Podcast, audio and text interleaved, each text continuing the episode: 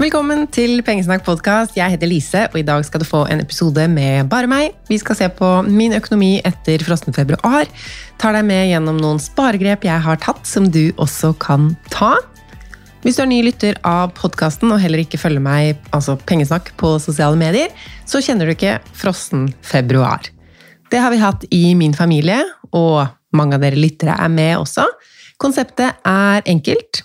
Bruk så lite penger som mulig en hel måned og se hva som skjer. For min del har det gått bra, erfaringen har vært god, stort sett. Har gått på et par smeller, men bedre enn i fjor, som jeg også var ok fornøyd med, egentlig. Dette er tredje året vi kjører frossen februar.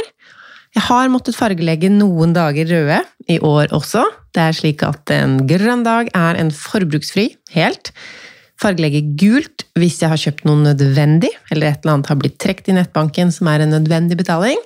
Strømregning, et eller annet sånt. Litt mat er jo også nødvendig. Og røde dager er når man kjøper noe unødvendig. Og vi kan jo ikke gå på bare viljestyrke i en sånn utfordring. Fire uker er ganske lenge. For min del så merker jeg at utfordringen går vel så mye på, eller aller mest, på planlegging og litt kreativitet. Eh, litt viljestyrke også, så klart, men så er det jo sånn at viljestyrke er en begrensa ressurs. Det fikk jeg jo merke en lørdag her. Det var en fredag som jeg gikk hjem, skulle ikke ta buss, da. Og så kommer jeg hjem og ser, eller hører først, at eh, sålen på den ene skoen min bak har dette ja. Så den skoa har blitt en piggsko og eh, fungerer ikke. Jeg tenkte ikke noe mer på det den dagen. Men dagen etter så har Tom og jeg barnevakt over natta. Over to netter, faktisk. Vi har hatt barnevakt før, men da har det vært fordi vi skulle i et bryllup, eller ja, egentlig det, når vi skal i bryllup. Så nå hadde vi for første gang barnevakt uten å ha noen planer. Og jeg syntes det var herlig, og tenkte at nå skal vi ha det sånn kjærestepar fint med champagne og blomsterbukett. Og det rakk jeg å tenke ganske mye på, fordi jeg kjørte, jeg leverte barna og kjørte tilbake, og det tar et par timer. Så jeg ser for meg at jeg skal lade bilen på Liertoppen. Der er det et stort kjøpesenter, og der kunne jeg jo kjøpe hva som helst som passer inn i dette bildet mitt av en helg med bare mannen min og jeg. Så jeg glemte helt frosten februar, men så skjedde jo det at jeg måtte lade bilen litt tidligere enn jeg trodde. Og istedenfor å lade utenfor et stort kjøpesenter, så ble jeg stående ved en kjedelig bensinstasjon. Så der var jeg jo litt heldig, fordi da gadd jeg ikke å kjøre innom noe annet sted og kjøpe noe luksusgreier. En del av meg tenkte jo også Tom har sikkert vært ute og kjøpt blomster til bordet og vin, fordi jeg har jo vært borte i fem timer her, eh, men det hadde han ikke gjort. Når kona hans sier at vi skal ikke kjøpe noe unødvendig denne måneden, så holder han seg til det. Og det er jeg jo veldig glad for. Det har vært veldig bra for familiens gjennomførelse av frostfebruar i år at han ikke har handla i hytt og pine. Ikke at han pleier å gjøre det, men det kunne jo vært noe. Eh, så jo, samme dag jeg kommer hjem, og så sjekker jeg Instagram. Der dukker det opp en reklame fra Camilla Pil. Hun er jo så fin og lager så mye fint. Og nå som det er vår, så skulle høst- og vinterklærne selges ut med 70% rabatt. Og der er det altså noen så fine sko. Skoene mine hadde jo blitt ødelagt dagen før. Det her var helt perfekt. Men så kom jeg på at det er jo frossen februar, så jeg får heller gå med de gamle skoene mine, altså de jeg hadde før de som ble ødelagt. Ok, eh, og Så kom vi til kvelden, og da skulle vi ut og kjøpe litt mat og sånn til denne dagen og neste. Og da kjente jeg at viljestyrken min var brukt opp, i kombinasjon med at jeg hadde jo vært flink og ikke kjøpt blomster, ikke noe vin, ikke noen nye sko. Så da kjøpte jeg meg en pose med smågodt. Og det gjorde jo da at selv om jeg hadde liksom vært så flink, stått imot de kjøpene, så måtte jeg fargelegge den dagen rød. Jeg glemte jo også at jeg hadde kjøpt det godteriet, så altså, nå har jeg spist det, men ikke den dagen. Så hva vil jeg fram til her? At noen dager har jeg lyst til å kjøpe ting. Eh, kommer det oftere når jeg har shoppstopp? Fordi shoppinglyst er ikke noe jeg vanligvis har sånn veldig. Men òg det med viljestyrken. Altså det er bedre å planlegge bort at du må gå på viljestyrke, altså planlegge i forkant, være litt kreativ med det man har, enn å bare satse på at det går greit å takke nei til alle fristelser. Men først og fremst så ser jeg mange fordeler med en sånn ekstremsparemåned. Fra før av er det sånn at jeg har flere dager hvor jeg ikke bruker penger, enn dager der jeg bruker penger. I hvert fall sånn aktivt. En del trekk i nettbanken er det jo. Allikevel så gjør frossen februar meg mer bevisst. Jeg har spart Ja, det kan vi jo komme fram til. Det er litt flere måter å regne hvor mye man har spart i løpet av en sånn måned. Men jeg kan jo gå gjennom øh, hva jeg har gjort først.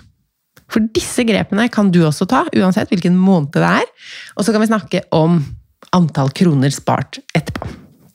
Så selv om utfordringen er over, så skal jeg snakke litt om eh, hva vi har gjort. Fordi enten du var med oss og gjorde dette sammen med meg i februar, så er det tips og oppgaver du kan gjøre når som helst for å spare penger, ekstremsparemåned eller ikke. Vi snakka jo om eh, sparetips for noen uker siden her i podkasten med Marie Olaussen. Det er litt rart dette med sparetips, fordi det beste sparetipset med tanke på å spare mest kroner, det er jo ikke kjøp noe. Da sparer du penger, men det er liksom ikke noe triks. Så mange sparetips fordrer jo litt at du bruker penger i utgangspunktet. Og så kan man si å, det er et tips å bruke denne versjonen, den er billigere. Eh, hvis du kjøper det annenhver dag istedenfor hver dag, så bruker du mindre. Og samme med det ordet ekstremt. Vi har jo så ulike utgangspunkt at det nesten ikke går an å kalle noe for ekstremsparemåned. Eller jo, det kan jeg kalle det, men hva man syns er ekstremt, det er så ulikt. I begge ender av det, egentlig. For å gi et eksempel Jeg la ut en video på TikTok hvor jeg hadde regna ut hvor mye man typisk kan spare ved å ta med seg ting hjemmefra. Så tipset var Um, skal vi se, Jeg lager et blogginnlegg av disse tipsene, så du trenger ikke å notere. Men hvis du vil lese de eller huske på de etter å ha hørt på det her, så ligger det ute på pengesnakk.no allerede. Um, altså når den kommer ut, så skal det ligge der. det ligger ikke der allerede. I løpet av mandag, i hvert fall. Så tipset i den videoen det var å ha med vannflaske, matpakke, handlenett og kaffe hjemmefra hvis man drikker det. Og så hadde jeg regna en sum for hva man typisk kunne spare på de fire tingene. da. Og De første kommentarene er av typen at eh, dette var sparetips for rikinger. Det finnes ingen som kjøper vann på butikken. Eh, og litt sånn harselering. Det er også et sparetips å gi butleren sparken. Altså at dette var ikke et relevant sparetips for de som fikk det opp i feeden sin. Eh, kun for de ekstremt rike, var liksom meningen. Men så kommer det etter hvert kommentarer på eh, ikke fokuser på å spare lommerusk. Du burde heller fokusere på å øke din aktive inntekt. Um, eller at dette var ekstremt, da, på en måte, altså på andre siden. Du sparer ganske masse på å spise havregrøt til middag hver dag, og du får ikke gjort noe med de 20 000 eller 22 000 du sparer uansett. Det er ikke verdt bryet for å spare så lite. Eh, så noen syns jo at tipset og sparingen eh, det gir å ta med ting hjemmefra, var både ekstremt teit, fordi det gjør man jo uansett, og ekstremt teit fordi den sparingen der er minimal. Så da kvalifiserer det i hvert fall som ekstremt. Så kan jo du avgjøre om det er noe å spare for deg, og om du gidder å gjøre det, eller om du vil kalle det et sparetips fordi ingen kjøper vann på butikken. Jeg lurer oss på hvorfor det finnes så masse vann å kjøpe på butikken hvis ingen kjøper det, men det er jo en annen sak. 22 eh, 000 kroner ekstra til investering kan jo gi deg en passiv inntekt, som er enda bedre enn aktiv inntekt, som jeg ble råda til å øke der. Så om det er ekstremt for deg eller ikke, ikke så viktig. Velg deg ut noen av sparetipsene på lista her, og gjøre om du vil øke din sparing. Så tips nummer én, det må jeg ta som nummer én, eh, ikke kjøp noe. Det har jeg allerede sagt. Og tips nummer to blir det andre. Ta med matpakke, kaffe, vannflaske og handlenett før du drar hjemmefra, for å unngå å måtte bruke penger på eh, bæreposer, vann, kaffe og mat på farta. Og når jeg sier ikke kjøp noe, så kan det jo enten være at man alltid kjøper litt mindre enn eh, man pleier, eller at du prøver en uke eller to, eller en hel måned med ekstremsparing. Nummer tre på lista mi er å fryse abonnementer. Og hver gang jeg snakker om det altså Dette er ikke noe nytt og spennende sparetips, men her har altså de fleste av oss penger å spare om vi har lyst. Det kan være en app som koster 265 kroner i året, som eh, ville fornyes. Eh, to streamingtjenester til 200 kroner. Hvis du bare avbestiller to streamingtjenester til 200 kroner i måneden, så blir det nesten 5000 kroner i året. Og mange av oss har jo enda mer som kan kuttes ut. Det kan være sånne abonnementsbokser med overraskelsesprodukter som kommer hver måned, men du trenger kanskje sjelden noen av produktene, sånn egentlig. Det kan være digitale produkter du abonnerer på, men glemmer å bruke. Jeg er ikke imot alle månedlige betalinger, men kutt de du ikke bruker. Her har mange et så stort sparepotensial, så se litt på det. Det virker så smått, ikke sant? at skal man gidde, det er så små beløp. Men når man regner de sammen, og tolv ganger i året, så kan det forsvinne så altfor mange penger her. Og hvordan veit man da om man har nok glede av et abonnement til å kunne forsvare og fortsatt ha det? Hva med å fryse abonnementet i én måned og se, rett og slett se, om man savner det? En annen positiv ting med å gå inn for å avbestille Eh, eller fryse ting i en måned, er at de fleste vil beholde deg som kunde, og kommer da opp med et godt tilbud.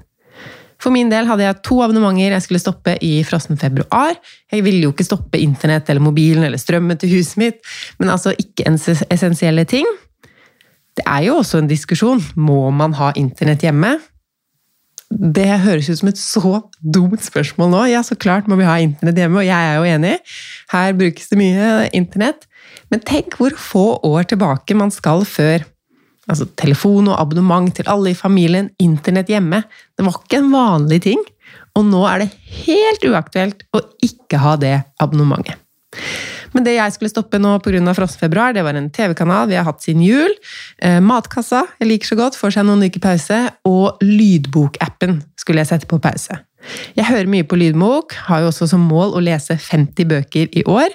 Og en del av dem blir på lydbok. Sønnen min bruker også samme abonnement, så det visste jeg at jeg kom til å starte igjen i mars. Eh, men en måneds pause for å virkelig finne det ut. Kanskje prøve igjen om jeg klarer å få til å høre på noe på den biblioteket sin app. Foreløpig har jeg bare søkt på bøker jeg ikke har tilgang til der, eller som er utlånt, så jeg liker den lydbokappen jeg betaler for, bedre.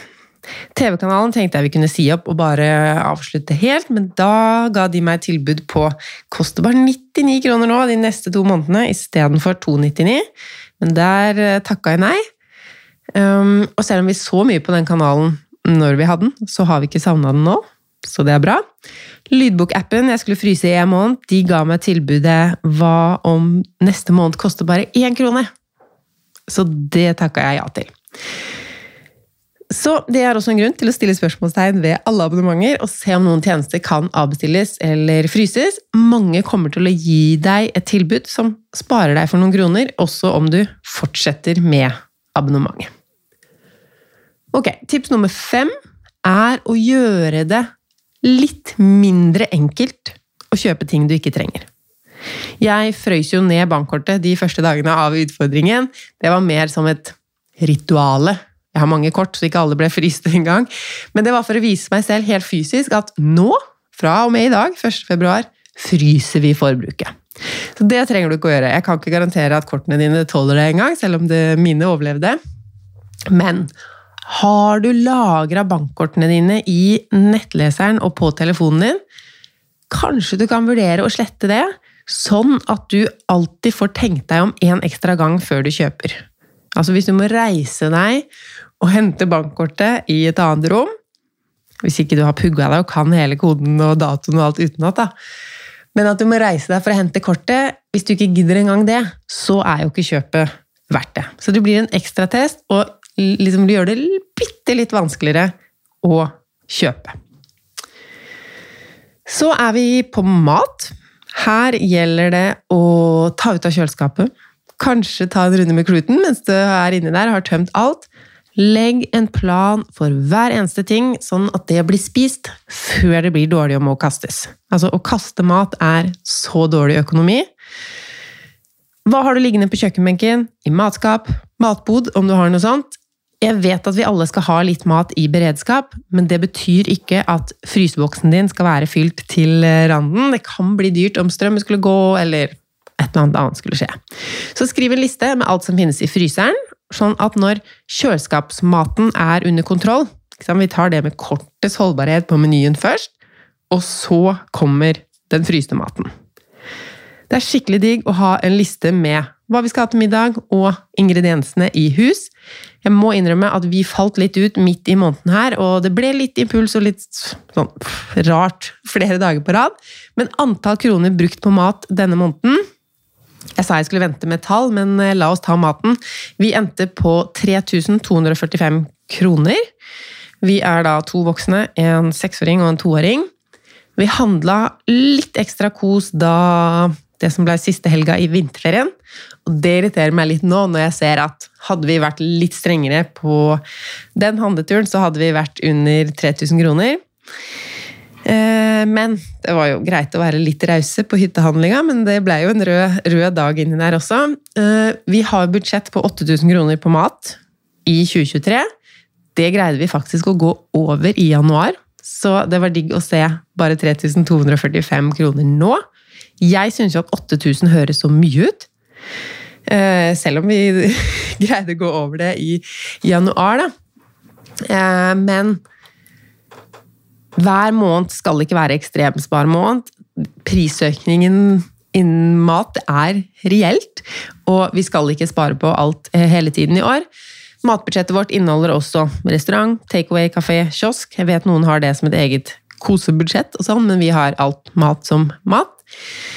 Eh, ifølge SIFO sitt referansebudsjett, som viser eh, rimelige utgifter på familieforbruk, sier at vår familie uh, har ca. 12 000 kroner i utgifter til mat.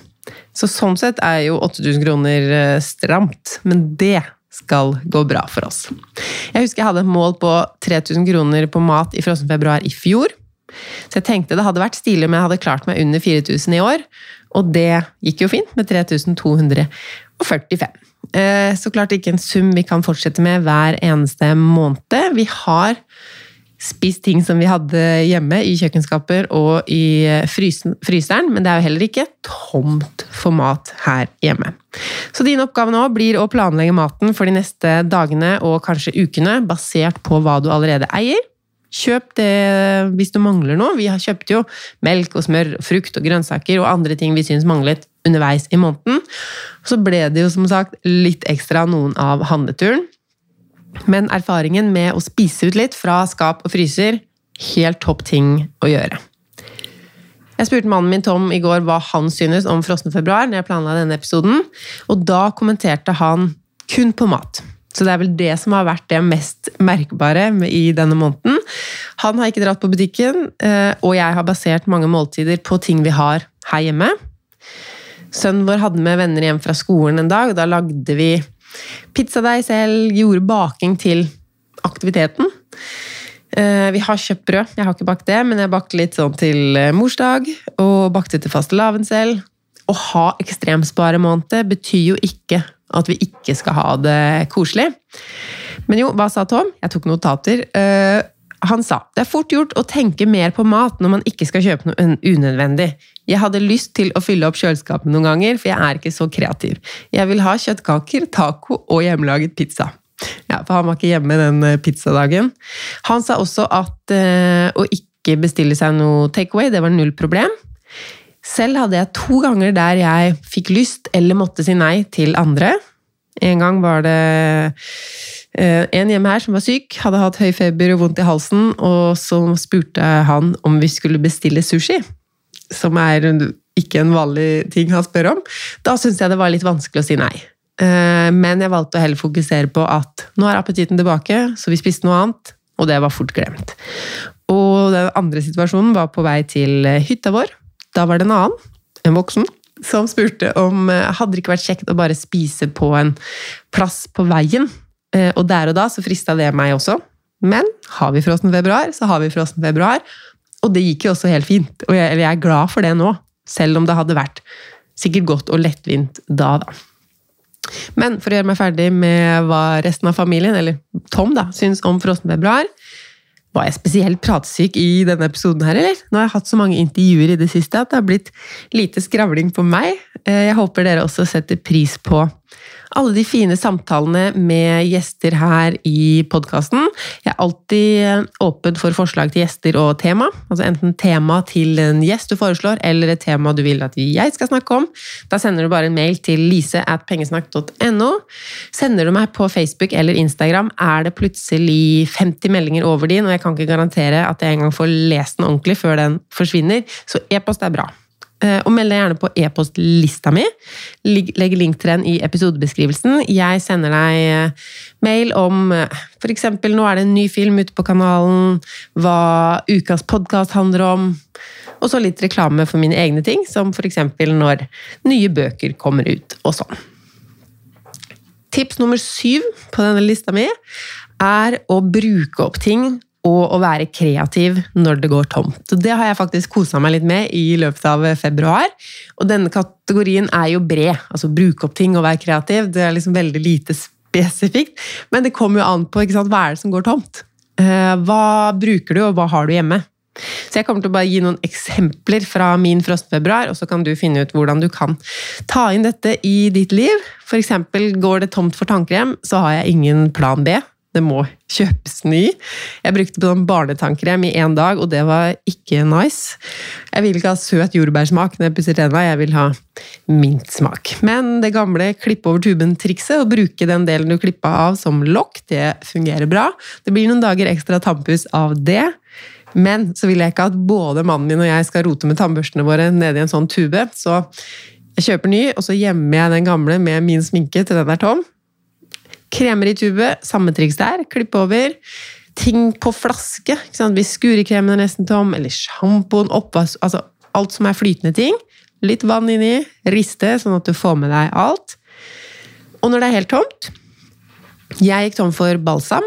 Eh, jeg trodde kanskje jeg hadde en balsam i litt sånn lagerboks jeg har, fordi vi vi har egentlig to bad, men så er det ene under oppussing, så da har jeg en sånn boks med ting. Tenkte at der er det sikkert noen balsam, det var det ikke.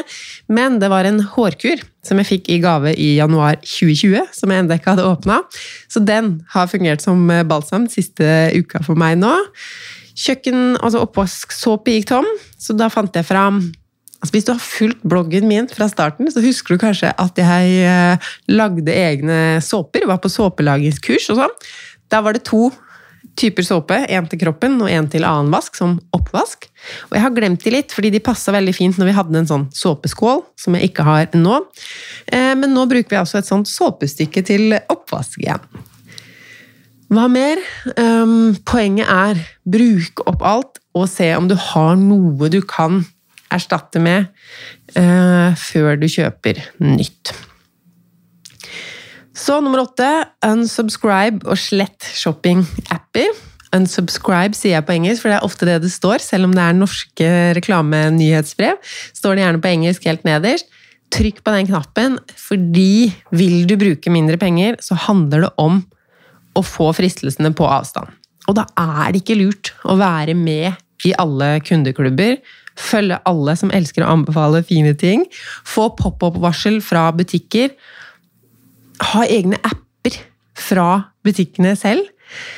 Det er fint å kjøpe ting til redusert pris når vi trenger noe, men jeg tenker, og syns selv i hvert fall, det er bedre å kjøpe det man trenger til full pris, for å slippe alle disse fristelsene og mailer om ting jeg ikke ville vurdert ellers. Eh, som da kommer i innboksen min, på SMS, push-varsler fra shoppingapper. Vil du kjøpe mindre ting og klær, så gjør du lurt i å slette. Og bare gjør det til en vane å gjøre det underveis. Unsubscribe fra ting når de kommer. SMS stopp til et eller annet nummer, så er du ute eller har de fristelsene Slipper dem, da, rett og slett.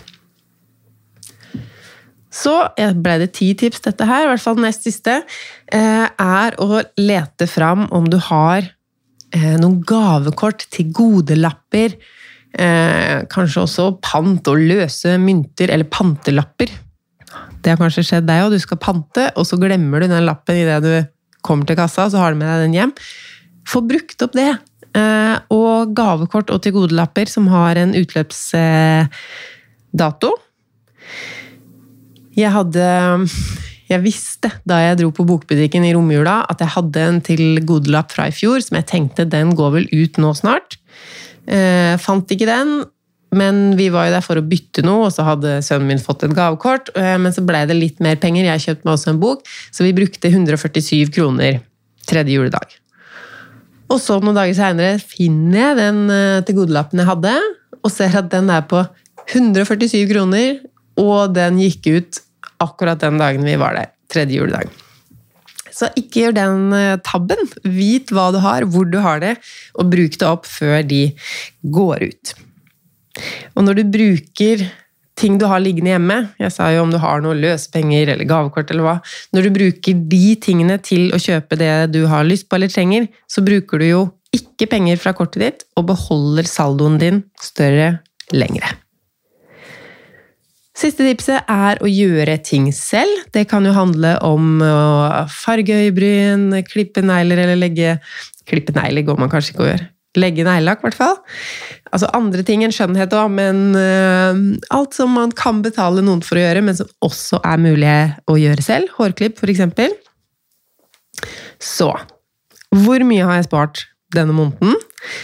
Det er jo flere måneder måter jeg kunne ha sett på det. Eh, første er å se på den lista jeg skrev i løpet av måneden. Altså jeg droppa å gå på bakeri, klipte håret til Tom, avbestilte et abonnement, sparte 188 kroner på den lydbokappen, droppa fornyelse av en sånn app som går over et år, som skulle fornyes, droppa de skoene til 1111 kroner, droppa blomster og vin, droppa sushi og den andre takeaway. Og så kunne jeg sagt at det beløpet jeg kom til her, er det jeg sparte på frossen februar. Men så er det jo mer enn nestenkjøp og tjenester vi avbestilte, så jeg tenkte å heller ta utgangspunkt i budsjettet mitt. Fordi jeg har jo begynt med budsjett. Um, men det er jo så nytt, så det er jo litt synd her at jeg har bare én måned med budsjett uh, å sammenligne med, med det samme budsjettet. Så sammenligningsgrunnlaget her kunne vært bedre. Men ok, vi begynner med barn, øverste posten på budsjettet. Der har vi budsjettert med 6000 kroner for SFO, skole og barnehage.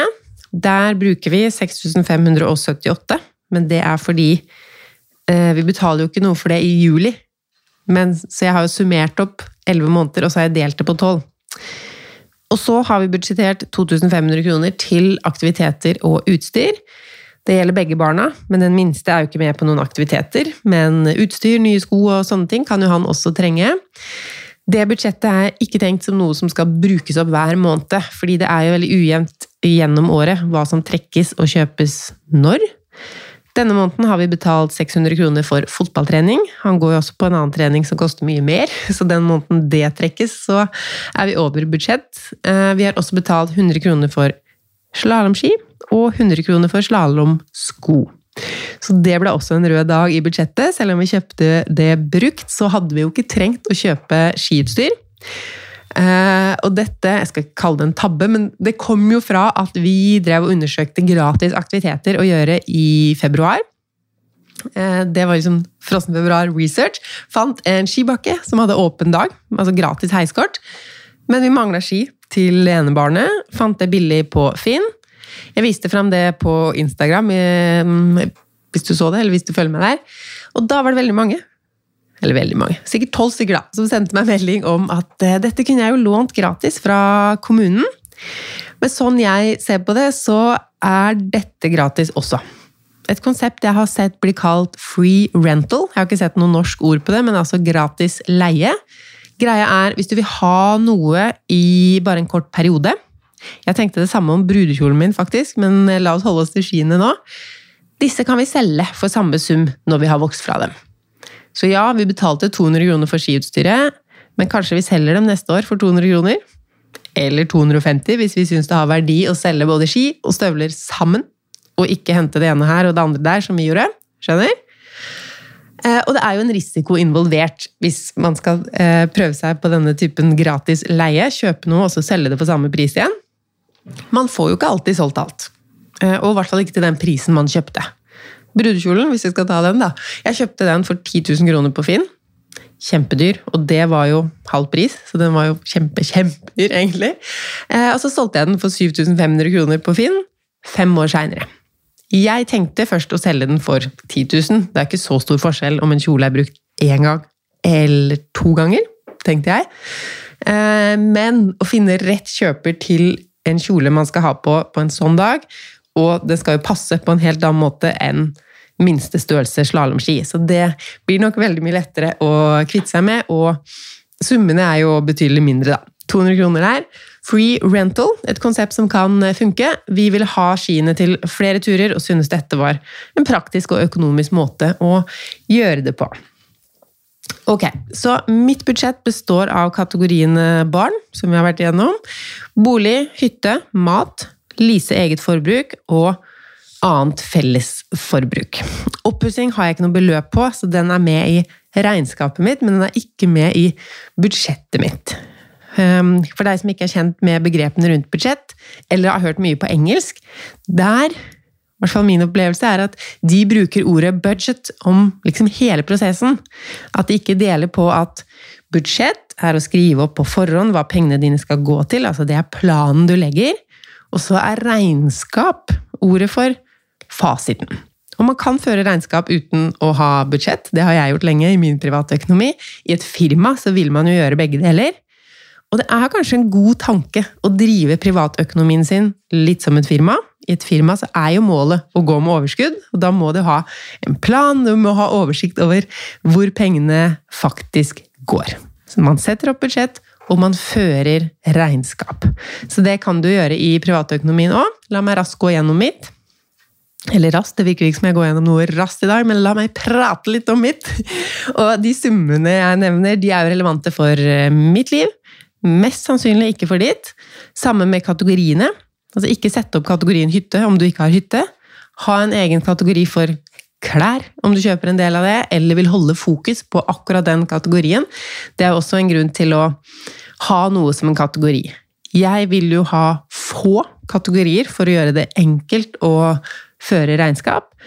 Eh, mange kategorier kan jo være fint hvis man virkelig er nysgjerrig på alt, hva man bruker på alt, men det gjør jo jobben med føringa vanskeligere.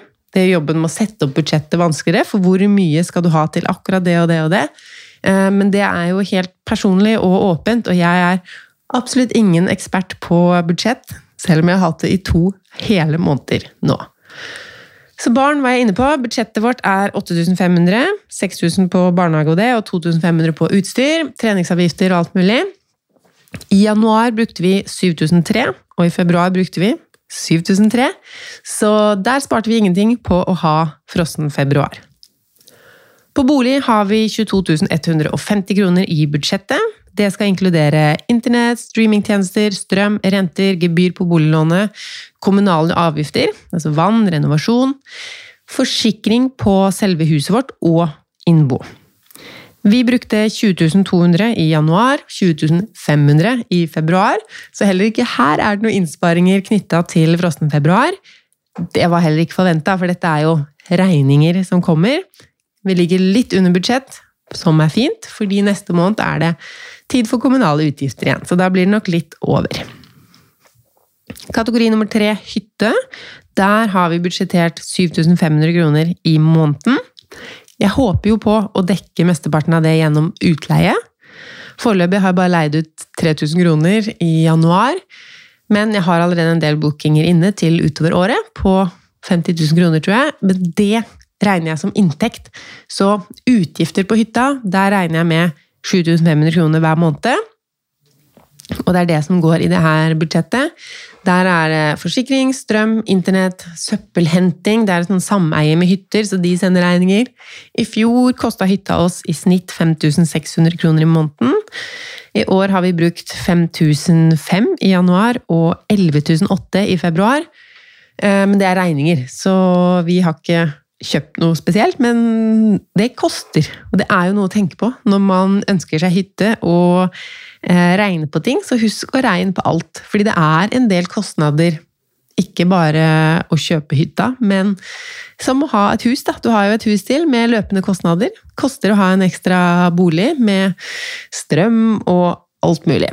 Så jeg er veldig glad for utleien som gjør det litt mindre kostbart å eie hytta vår. Nå kommer vi endelig til en kategori der vi har spart penger i frossen februar, nemlig mat. Budsjettet er 8000, vi brukte 3245. Lise eget, der har jeg et budsjett på 3000 kroner. Dette er jo utgifter til min shopping og mitt liv, som ikke er en del av familieøkonomien.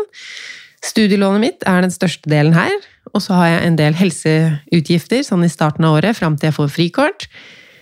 Og i januar kjøpte jeg et eh, yogakurs, et online-kurs, som skal gå hele året. Eh, så januar endte opp med 5000 kroner. Februar 2008. Så 200 kroner under budsjett. Hadde jeg kjøpt de skoene, da hadde jeg vært over. Eh, men det jeg har kjøpt, da, som er inkludert her Jeg er jo glad i klokka mi med skritteller. Jeg jobber ti meter fra senga mi og har sjelden noe jeg må gjøre ute av huset. Tall motiverer meg. Det vil du kanskje tenke deg. Eh, men klokka ble ødelagt. Eh, og det har den blitt før. Det er tredje gangen den reimen ryker. Så jeg vet jo at jeg kan få ny på garantien.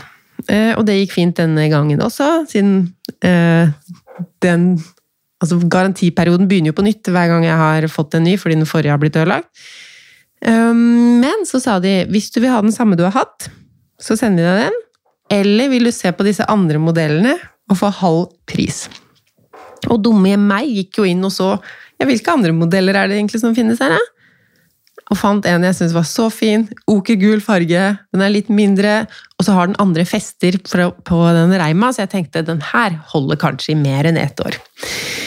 Uansett, da kosta det meg jo 568 kroner å få ny klokke, istedenfor å bytte den delen på den andre en rød dag, og det var 28. februar, faktisk. Eh, og jeg har allerede fått den og liker den så godt, så jeg klarer ikke å angre for mye på det. Men jeg kunne jo brukt null, og jeg har ikke vært sånn veldig misfornøyd med utseendet på den andre. Ja, Nå kom den klokka. Jeg har ny klokke. Annet felles, siste kategori i budsjettet. Der går bil, forsikring på bil og litt andre forsikringer. Sånn reiseforsikring, livsforsikring, veldedighet og gaver, ferie og familieaktiviteter. Og jeg er litt stolt av at den siste, ferie- og familieaktiviteter, er null kroner for februar, selv om det var vinterferie.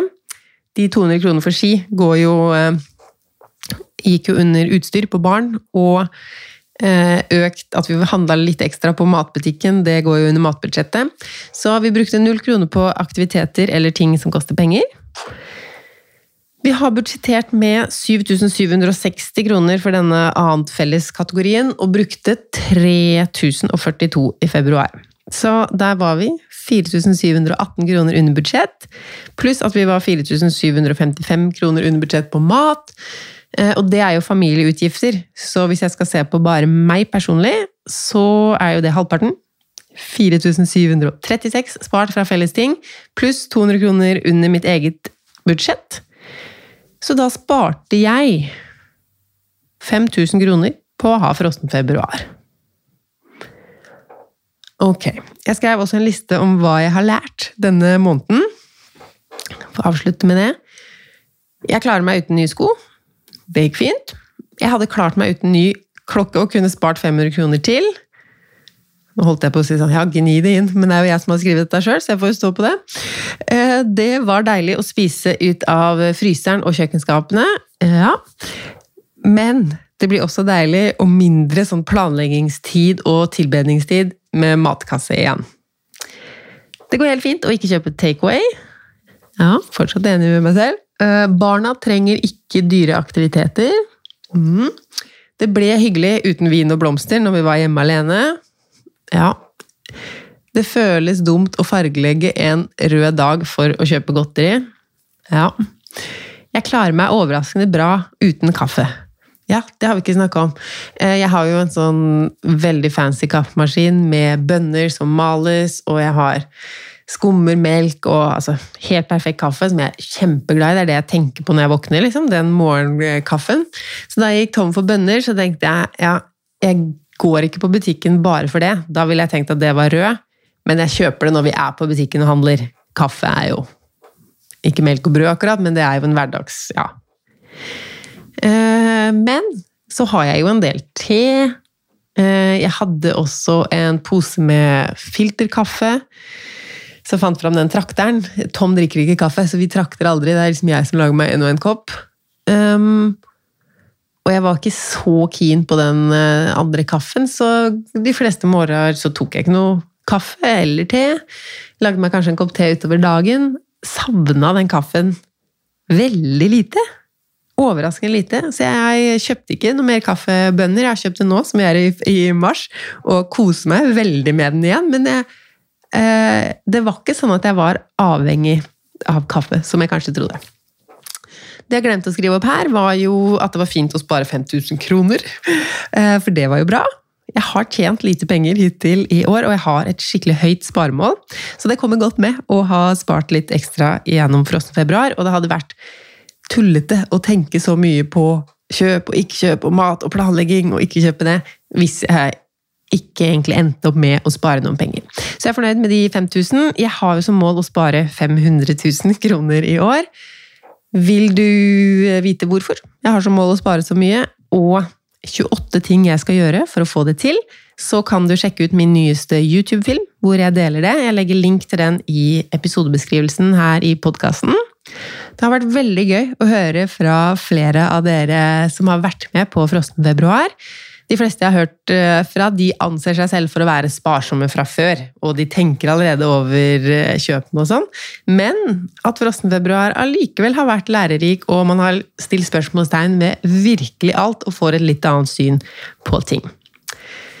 Så sjekk ut bloggen nå, pengesnakk.no. Der ligger de ni, eller blei det ti, frossenfebruar-tipsene som du kan gjøre når som helst, må ikke være ventet til neste februar. Ligger også et innlegg med gratis aktiviteter du kan gjøre alene eller med familie når du føler at alt er dyrt. Mars blir ikke ekstremt sparing for min del, men heller ikke ekstremt forbruk. Fokuset nå blir på minimalisme igjen. Og det er noe med at når man driver og rydder og kaster, så blir det veldig ulogisk å handle mye inn. Jeg fortsetter også med budsjett. Tenker å ta en video- eller podkastepisode når jeg har drevet med det i et halvår, kanskje, hvor da har vi litt flere tall å se på. Jeg har ikke så mye mer å rapportere om en måned, tenker jeg på det. Jeg håper du setter pris på Pengesnakk podkast med flere intervjuer i år enn før. Neste uke handler det om kapselgarderobe her på kanalen. I forrige uke snakka jeg med Katinka. Den anbefaler jeg deg å høre. Hun bestemte seg for å betale ned kredittkortgjelden sin og gjorde det. Sørg også for at du er påmeldt nyhetsbrevet mitt. Jeg legger link til påmelding i episodebeskrivelsen. Jeg er veldig glad for å ha deg som lytter av Pengesnakk podkast, men nå skal jeg legge på. Jeg ønsker deg en god uke.